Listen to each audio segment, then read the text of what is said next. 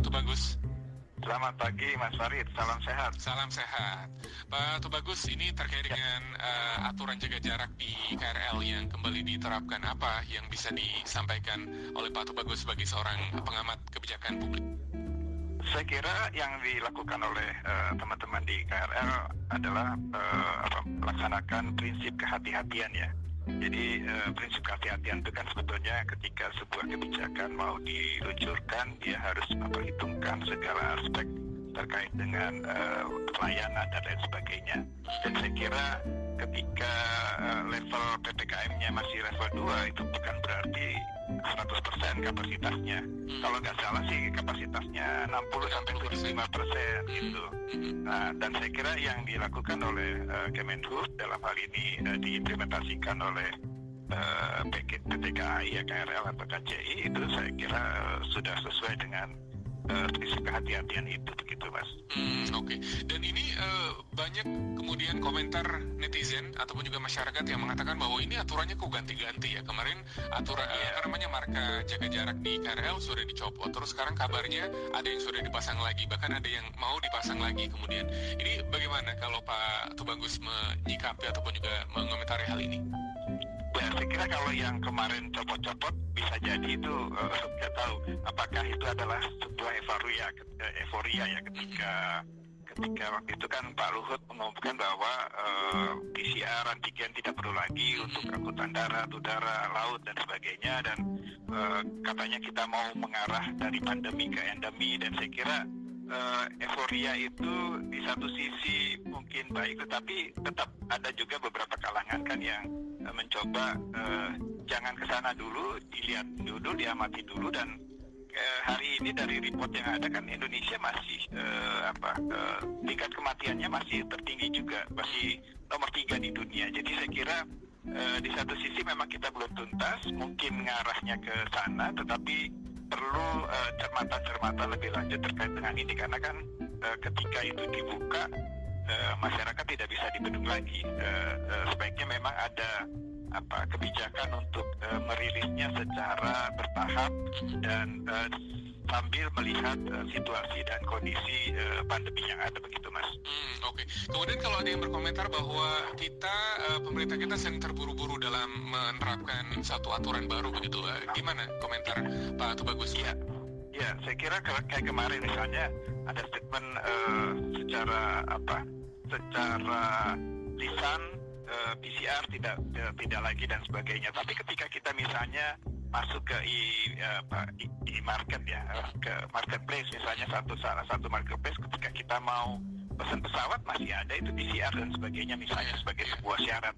Dan saya kira itu yang seharusnya sebagai pejabat publik harus mengerem sebetulnya mengerem dan berkoordinasi dengan pihak-pihak uh, yang lain. Uh, soalnya banyak sekali keluhan misalnya tentang angkutan ya khususnya angkutan udara. Uh, uh, biasanya di bagian kementerian uh, di bagian perhubungan transportasinya misalnya mereka agak kebingungan karena tentang PCR dan antigen itu ada di kewenangannya di Kementerian Kesehatan. Hmm. Jadi memang di antara uh, kementerian uh, dan uh, di antara mereka uh, di bawah Kemenko misalnya dan semuanya kan sebetulnya di bawah presiden ya seharusnya ber, uh, berkoordinasi dulu sebelum mengeluarkan satu statement begitu. Hmm, Oke, okay. jadi uh, kalau Pak Tubagus menilai kadang-kadang koordinasinya uh, ini masih ini ya apa namanya belum belum terjalin dengan uh, Mas Warid. Belum betul sekali Mas Warid. Oke okay, oke. Okay. Nah uh, kemudian jadi, jadi akhirnya ya tadi akhirnya masyarakat melihat oh ini kok begini, setelah ini kok begini gitu. Itu yang uh, saya kira uh, pemerintah harus uh, menjaga sehingga komentar-komentar seperti itu uh, karena nanti kredibilitas dari pemerintah sendiri akan dipertanyakan. Hmm, Oke. Okay. Nah, kemudian kalau uh, merujuk kembali pada kapasitas KRL yang sekarang ini 60%, tadi kami sudah berbincang bersama dengan uh, juru bicara Kementerian Perhubungan Ibu Adita Irawati. Menurut uh, Pak Tubagus sendiri dengan kondisi seperti sekarang ini yang tadi disampaikan kematian uh, akibat COVID di Indonesia nomor tiga tertinggi di dunia, apakah sudah uh, saatnya bahwa ada penambahan kapasitas di KRL dengan kondisi yang masih seperti ini?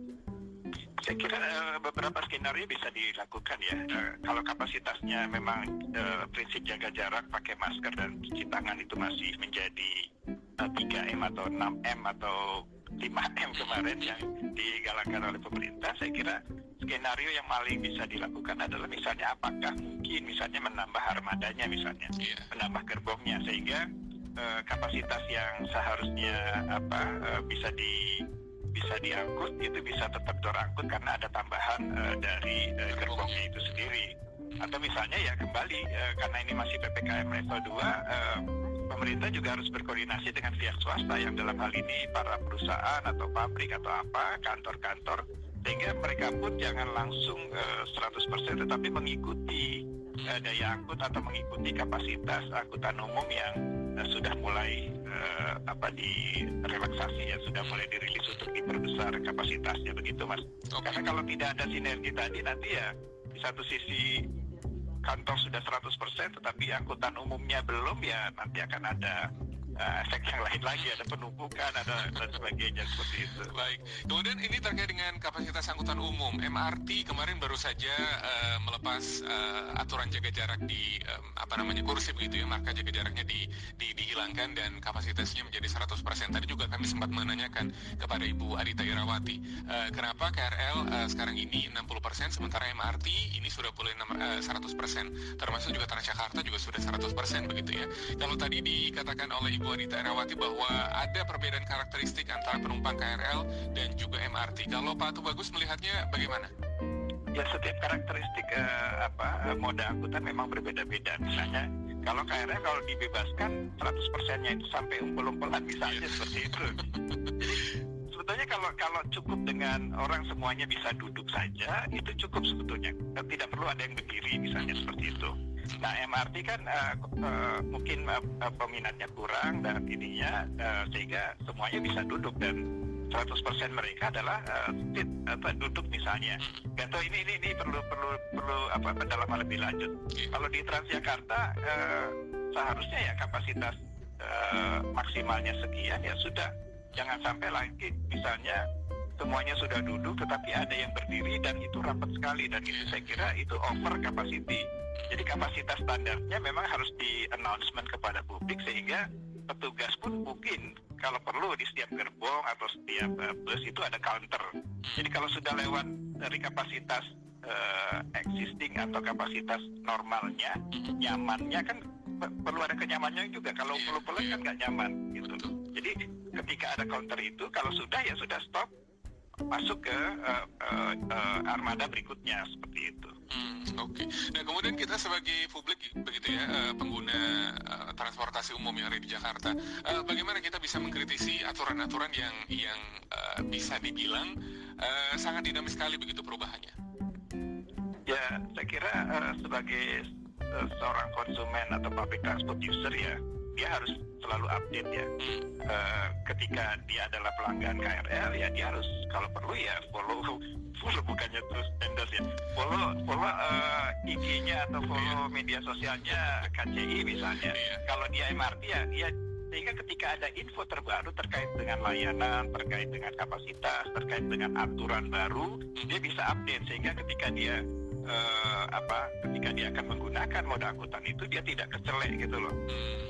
Hmm termasuk juga ya itu di media sosial sekarang. Tapi juga misalnya di pintu-pintu atau di halte atau di stasiun seharusnya juga ada announcement atau ada poster atau ada apa sehingga ketika orang mulai menggunakan orang yang sama sekali baru misalnya menggunakan angkutan umum itu pun bisa terupdate dengan baik bahwa aturannya gini loh kapasitasnya seperti ini. Apa yang saya harus lakukan? Eh, apakah misalnya tetap memperlihatkan tiket vaksin dan sebagainya? Itu apakah itu masih kadang-kadang kan dilakukan kadang-kadang tidak itu. Apakah pengukuran suhu itu masih dan sebagainya? Kadang-kadang dilakukan kadang-kadang enggak. Nah, ini yang bikin bingung masyarakat sebetulnya ya, ya, ya.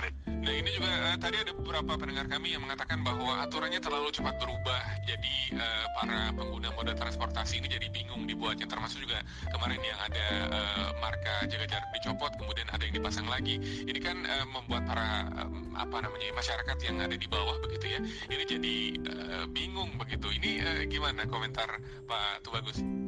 ya saya kira uh, sebagai apa pengguna apa sebagai apa operator ya mau MRT mau KRL maupun Transjakarta misalnya, ya dia harus membuka diri untuk uh, kalau perlu ada selalu ada ada ada ada announcement kalau ada uh, informasi yang diperlukan atau ada pertanyaan terkait dengan itu mereka harusnya buka semacam complaint center ya sehingga komunikasi antara si operator dengan si user terjalin baik sehingga uh, uh, tidak hanya apa uh, gerutunya di media sosial walaupun sekarang kan media sosial sangat efektif sekali gitu. Betul begitu viral seolah kalau bisa cepat iya no viral no justice. Jadi seolah-olah kalau tidak diviralkan uh, tidak akan ada perubahan begitu iya, iya, iya.